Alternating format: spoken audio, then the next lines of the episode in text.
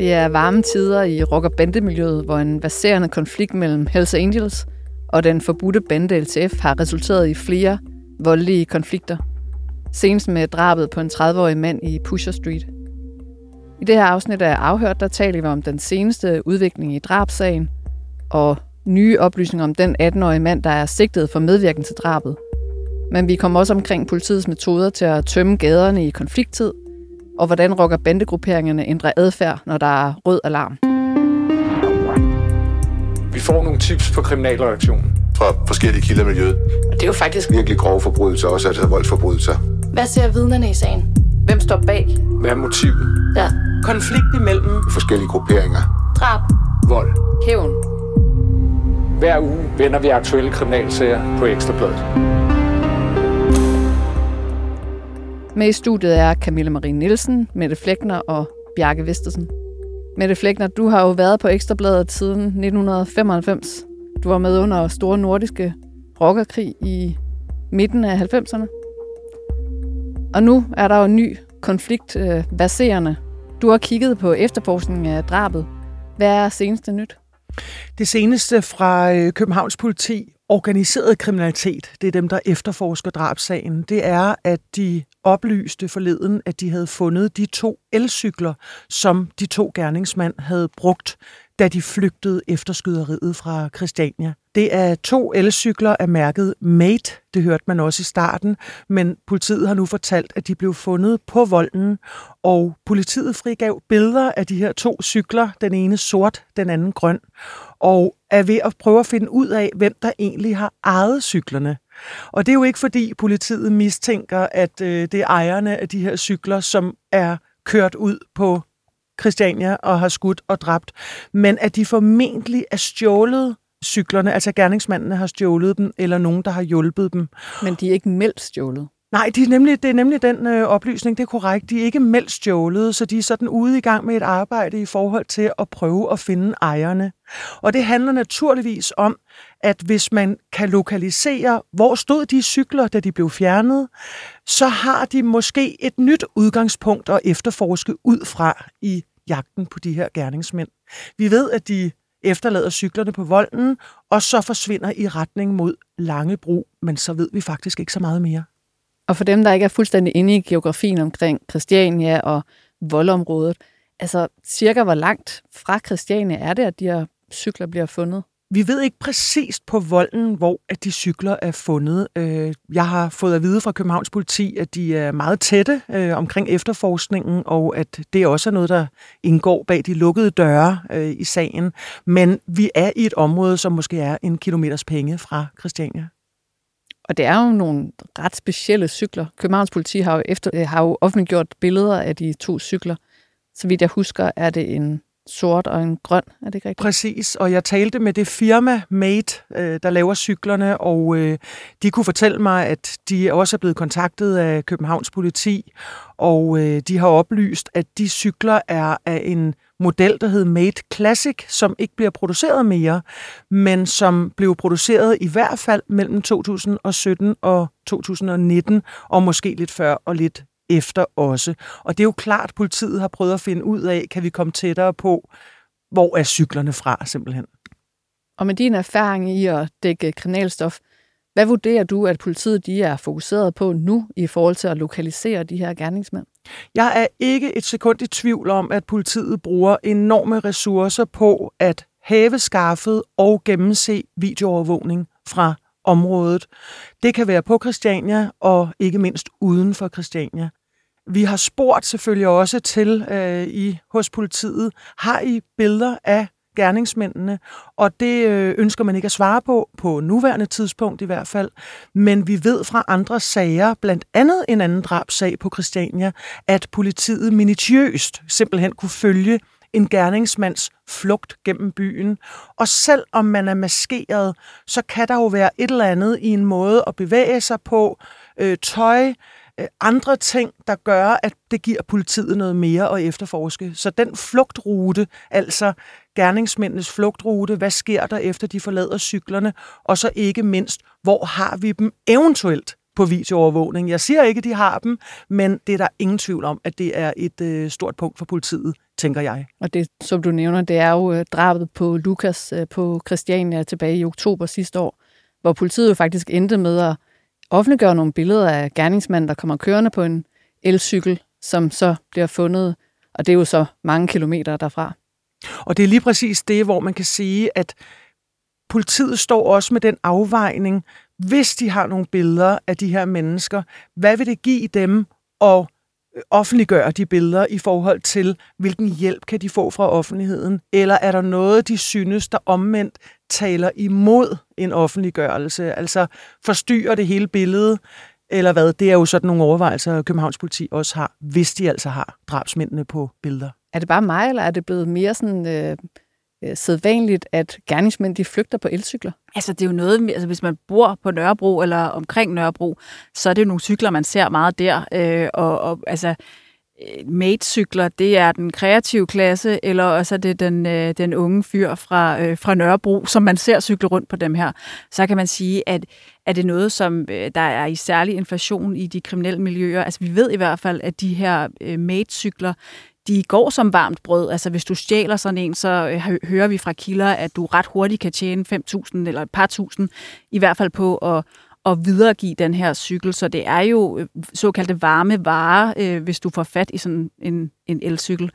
Så det er et effektivt øh, flugtredskab, som også kan komme steder, hvor politiets øh, patruljer måske ikke nødvendigvis skal komme? Ja, altså, og vi ved jo, altså, matcykler, de kører op til 30 eller 35 km i timen, kan de komme op på, øh, hvis, man, hvis man sætter øh, elen til. Det er jo relativt hurtigt, og hvis du kører igennem sådan en boligkvarter, hvor der er øh, trafiksikaner, og hvor politiets køretøjer ikke kan komme igennem, så er du hurtigt væk. Vi har jo også set eksempler på tidligere fra andre skudsager, som desværre også er uopklaret. Netop at, at de har kunne køre, hvor politiets patruljevogne ikke kunne komme frem. Vi havde en sag på Frederiksberg, hvor de kunne følge ham på videoovervågning fra igennem øh, et parkområde ude på Nørrebro. Og vi så jo også dengang, da der hashhandlen foregik øh, ekstremt i øh, Nørrebroparken, at man faktisk lagde øh, cykler og andre ting som sikaner rundt om parken, sådan så man hurtigt selv kunne komme væk på sin elcykel, altså den, der stod for salget i Nørrebroparken, hurtigt kunne komme væk. Og de her sikaner, som man selv skabte via de her øh, cykler, man lagde, man lagde også el-løbehjul, de gjorde jo, at politiets øh, køretøjer ikke kunne komme ind i parken. Så det er det her med at, at sørge for flugtveje, hvor politiet ikke kan komme hen, det er jo noget, vi, vi kender fra det organiserede øh, miljø. Men når man finder sådan nogle flugtcykler, som man har gjort her på voldene, så bliver de vel også undergået altså minutiøse øh, tekniske undersøgelser. Der er kriminalteknikere, der har dem, øh, det er der ingen tvivl om, som, hvor de har undersøgt alt. Og selvom du prøver som en gerningsmand at gardere dig på alle mulige måder fra at afsætte spor, så er det jo lykkedes gennem tiden at finde alligevel noget, som i sidste ende fører til en opklaring. Men vi har ikke oplysning om, at den er forsøgt, at de er forsøgt brændt af? Nej, det har vi ikke nogen oplysning om, nej. Bjarke, du har jo øh, kigget nærmere på den 18-årige mand, som er sigtet for medvirken til drabet på det 30-årige prøvemedlem af Hells Angels, der blev skudt og dræbt med flere skud på Christiania i lørdags. Øh, der er jo to, som man mener har affyret skuddene. Der er jo både dræbte den 30-årige og så såret fire tilfældige. Men hvad kan du fortælle om den 18-årige? Ja, øh, han er jo den forløbige eneste anholdte i den her sag, og han øh, nægter sig skyldig. Han blev fremstillet i grundlovsforhør øh, for lukkede døre. Øh, og det gjorde han ifølge sikkelsen for at have deltaget i planlægning, koordinering og udførelsen af drabet. Øh, så han har jo i hvert fald ifølge politiet haft en rolle. Øh, han er ikke ukendt i øh, kriminel sammenhæng. Øh, han har været på fri fod i cirka 4,5 måned efter han øh, havde en retssag ved retten i Næstved tilbage i april, øh, hvor han blev dømt for grov vold. Det ene tilfælde, det var for at benytte en peberspray mod en dørmand i nattelivet i en større midtjyllandsk provinsby. Øh, og det andet tilfælde, det var et knivstikkeri, hvor han øh, stak en, en mand øh, efter noget diskussion i ryggen med den her kniv. Og det blev han altså idømt seks måneders øh, øh, fængsel for. De tre måneder blev gjort ubetinget, det vil sige, det var det, som han skulle afzone. Og da han havde siddet varetægtsfængslet øh, i tre måneder, så blev han faktisk løsladt efter dommen. Så han har været på fri fod i 4-4,5 måned, øh, inden han jo så øh, Øh, i hvert fald ifølge politiet, har haft en væsentlig rolle i drabet på den her 30-årige mand i lørdags på, på Christiania. Men altså en meget ung mand, som er den eneste, der så forløbet er sigtet i sagen en meget ung mand, og øh, vi ved jo ikke præcis, hvilken relation han har, om han har en relation til, til bandemiljøet. Øh, han var faktisk sigtet for at, at skulle have sagt, at jeg stikker dig ned, jeg er LTF. Men det fandt retten altså ikke, øh, at, at man kunne dømme ud fra. Øh, så, så, så det er ikke sådan, at man, man, man med en domstolsord kan sige, at han er medlem eller har en relation til Loyal to Familia. Øh, det har, har øh, dommen i hvert fald slået fast, at, at, at det er der ikke, ikke grundlag for. Han havde en øh, folkeregisteradresse, øh, lidt påfaldende, sammen med en øh, støttegruppe til en rockerklub, øh, men han øh, dukkede aldrig op, fordi øh, vi talte faktisk med, med udlejeren, som sagde, at han havde haft dialog, når der var indgået en aftale om, at han skulle bo der. Ikke lige præcis ved den støtteklub, men en bygning lige ved siden af. Men han dukkede ikke op, og øh, han betalte heller ikke sit depositum, så, så vi ved ikke præcis, hvor han så har haft øh, bopæl hen. Så vi ved ikke 100% at han er relateret til LTF, men vi har jo så politiets ord for, at deres vurdering er, at den her konflikt, som nu verserer, at det er en konflikt, der vedrører Loyal to Familia og Hells Angels. Da vi stod i studiet, det var så mandag, programmet kom ud tirsdag, der var der endnu ikke øh, oprettet visitationszoner, men det kom jo så efter, at vi var gået ud af studiet. Mette Flægtner, hvad er baggrunden for visitationszonerne? Når politiet øh, opretter visitationszoner, så betyder det i bund og grund, at de uden at have en konkret mistanke kan visitere personer og undersøge, visitere køretøjer i et område.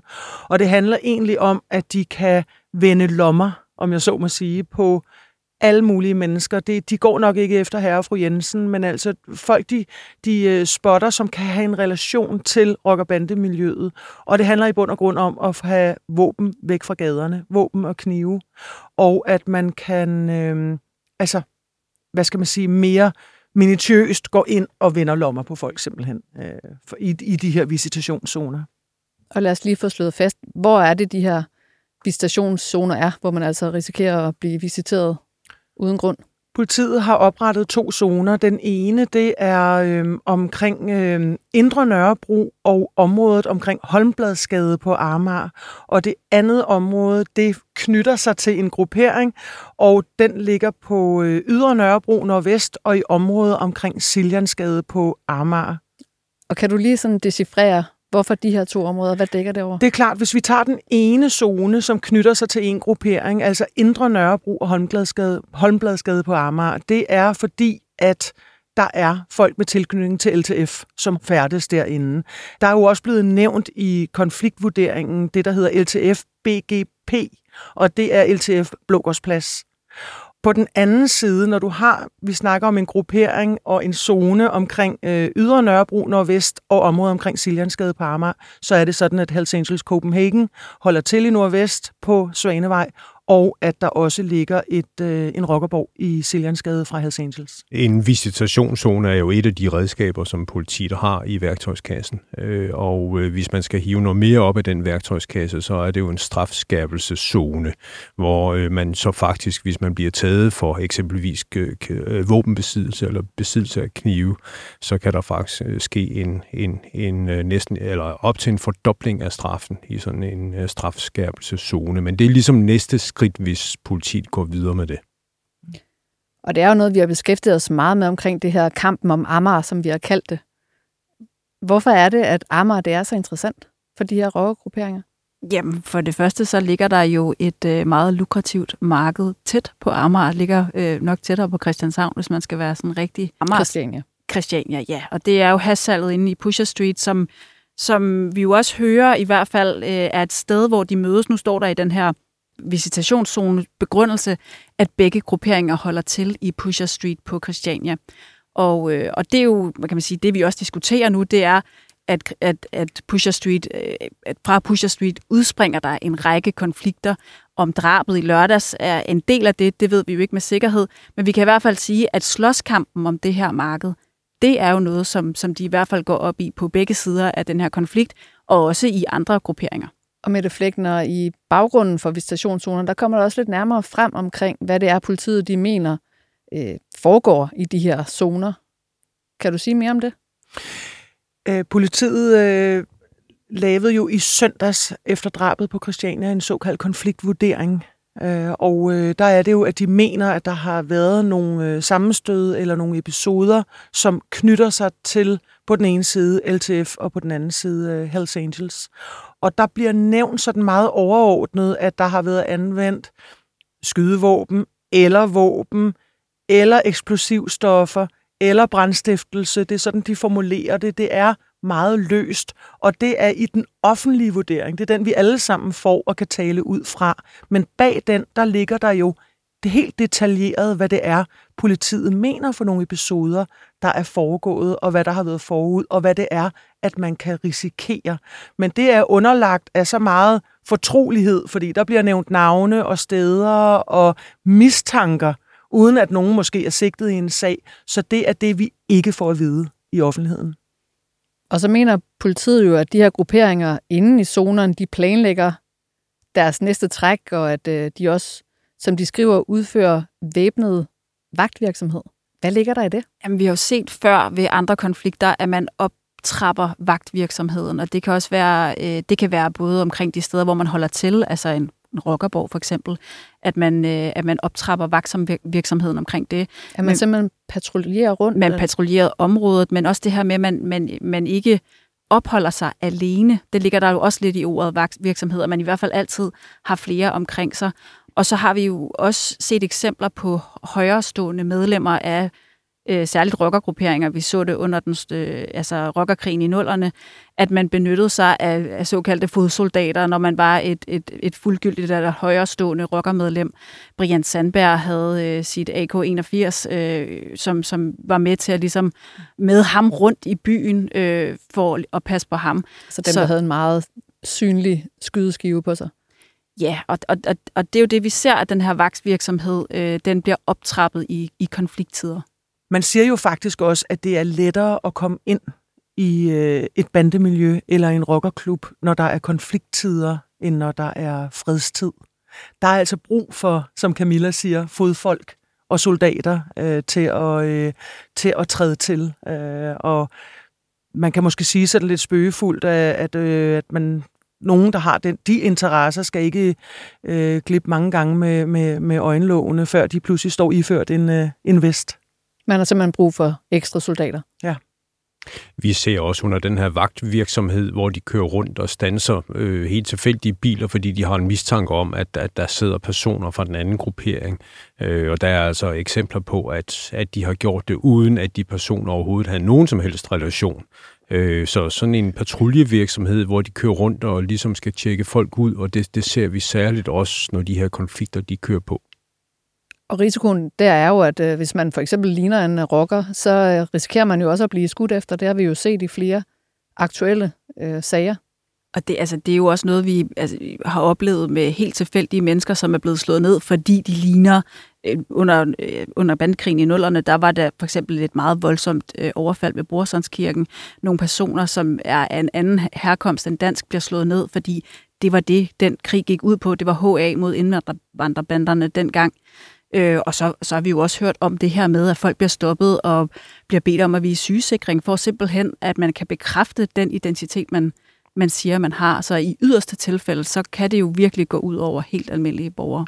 Tilbage i 2010 var der faktisk en kølemontør, som til forveksling lignede et øh, fuldgyldigt øh, HA-medlem i Odense, som altså blev skudt og dræbt, mens han spillede billard på et værtshus. Han havde ingen virkelig ingen relation til noget bandemiljø, men han øh, lignede altså til forveksling det her navngivende øh, HA-medlem, som så i øvrigt senere blev dræbt.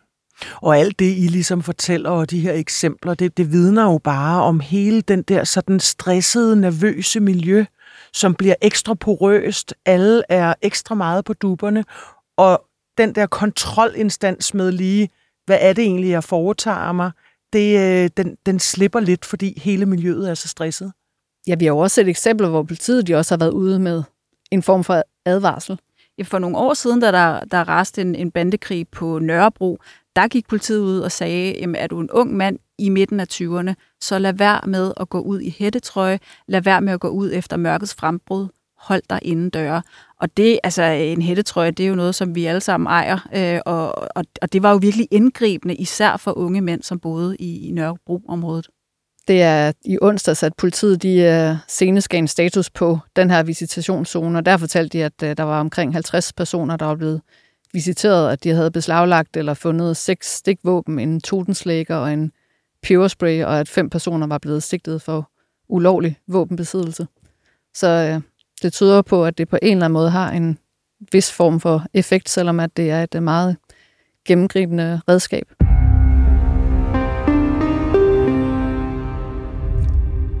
Og nu hvor vi snakker om øh, redskaber, altså har politiet andre redskaber til at sikre, at så få som muligt er på gaden til at tage del i en verserende konflikt?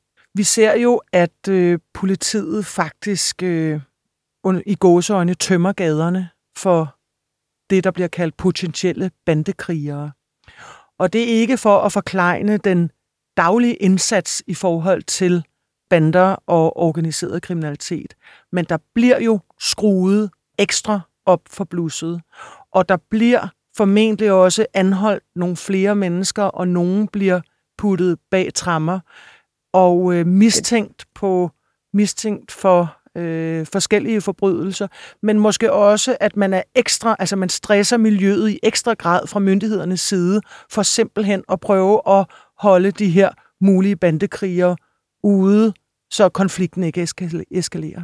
Så ved vi jo også, at de bruger det her øh, prøveløsladelsesgreb, øh, altså at man fra Kriminalforsorgens side siger, okay, er du medlem af Loyal to Familia eller Hells Angels, så kan du ikke komme øh, på prøveløsladelse lige nu, fordi der foregår en konflikt.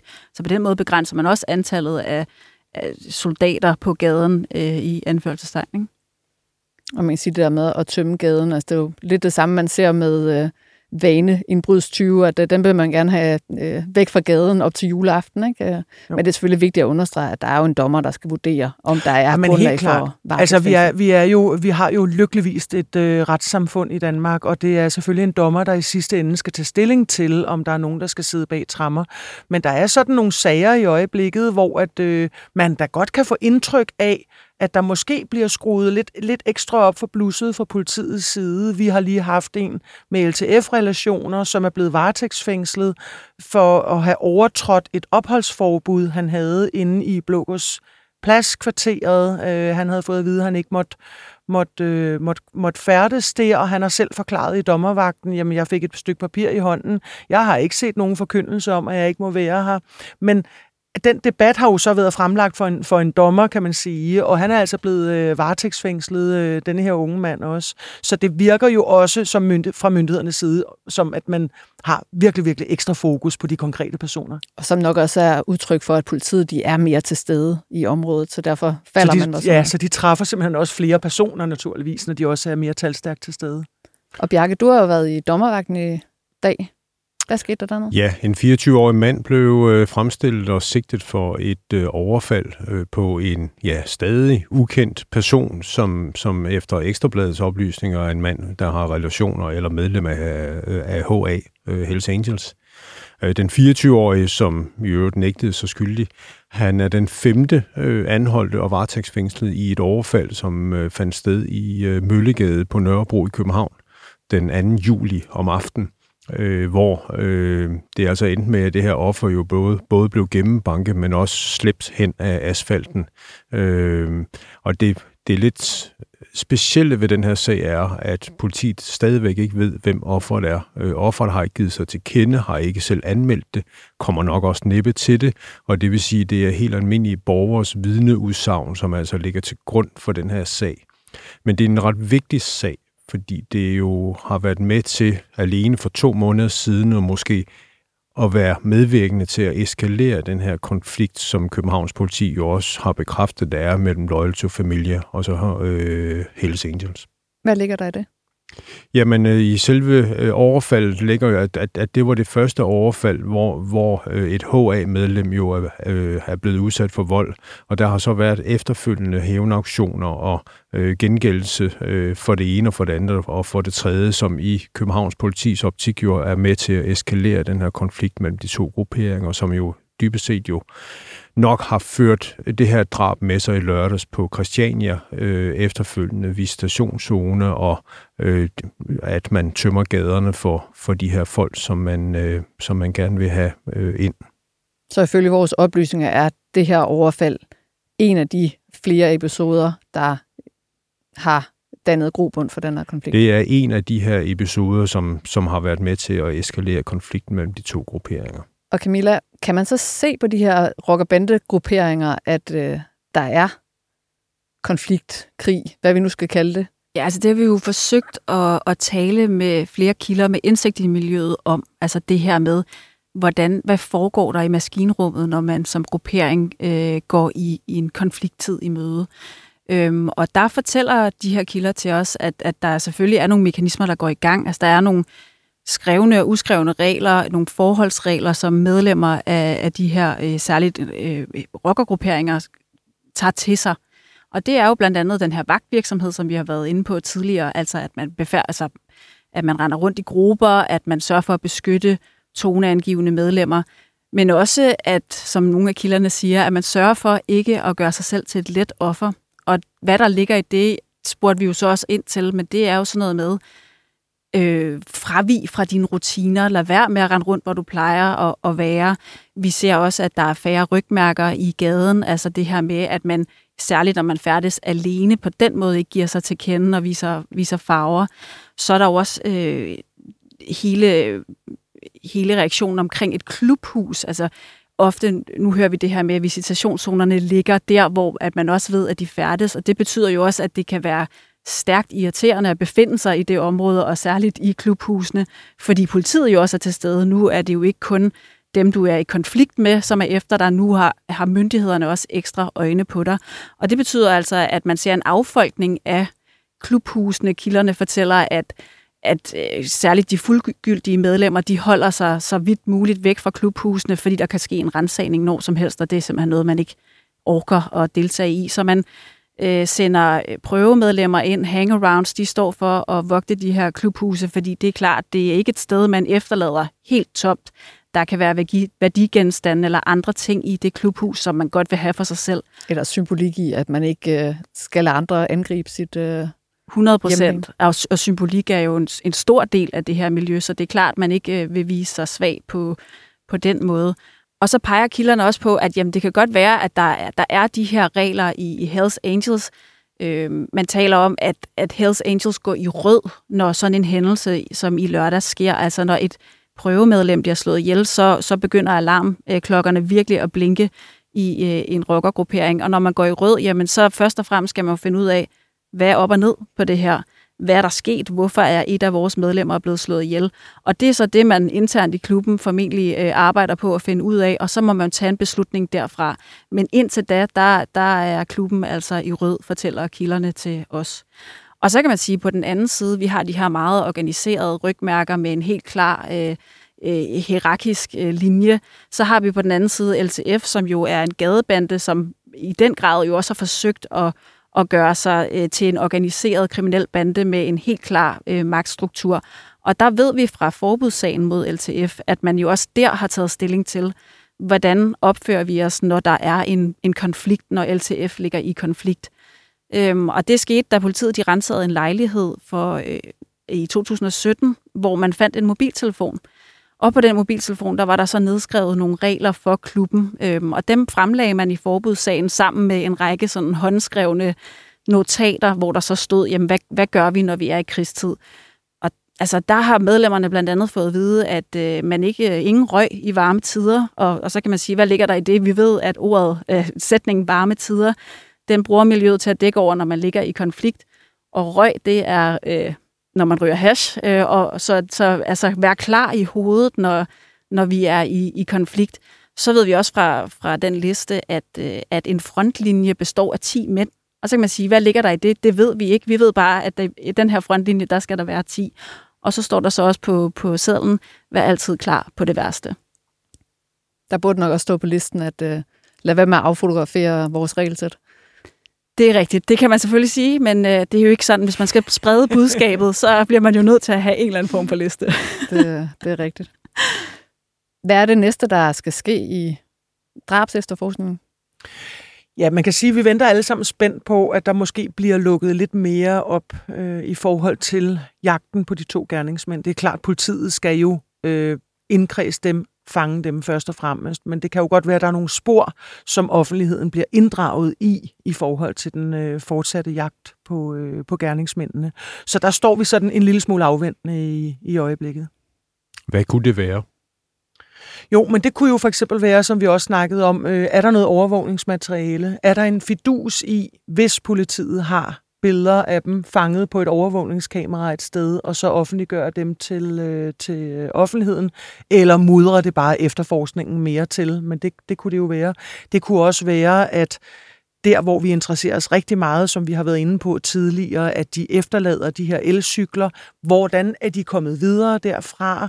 Har der været en bil? Øh, er der noget andet, der har øh, nogle oplysninger, som måske kan hjælpe videre i efterforskningen, hvis man offentliggør nogle, øh, nogle detaljer. Men igen, det er meget sådan, at politiet også prøver at finde ud af, hvad de, hvordan de selv kan kredse ind på gerningsmændene, inden de nødvendigvis øh, offentliggør spor. Og vi vil da gerne sige til alle vores øh, dejlige lyttere øh, afhørt, at vi er selvfølgelig altid interesseret i at få tips om den her sag, og selvfølgelig også om andre kriminalsager. Og det kan jo så gøres ved at sende en besked på 1224 eller en mail til 1224-eb.dk. Vi har jo brug for alle de øjne og ører ude i virkeligheden, som vi øh, kan få. Og så vil jeg sige tak til øh, jer tre for gennemgangen af en jo meget usædvanlig situation i øh, rock- og bandemiljøet. Og tak til jer, der lytter med, og tak til Rasmus Søgaard, som endnu en gang producerer programmet.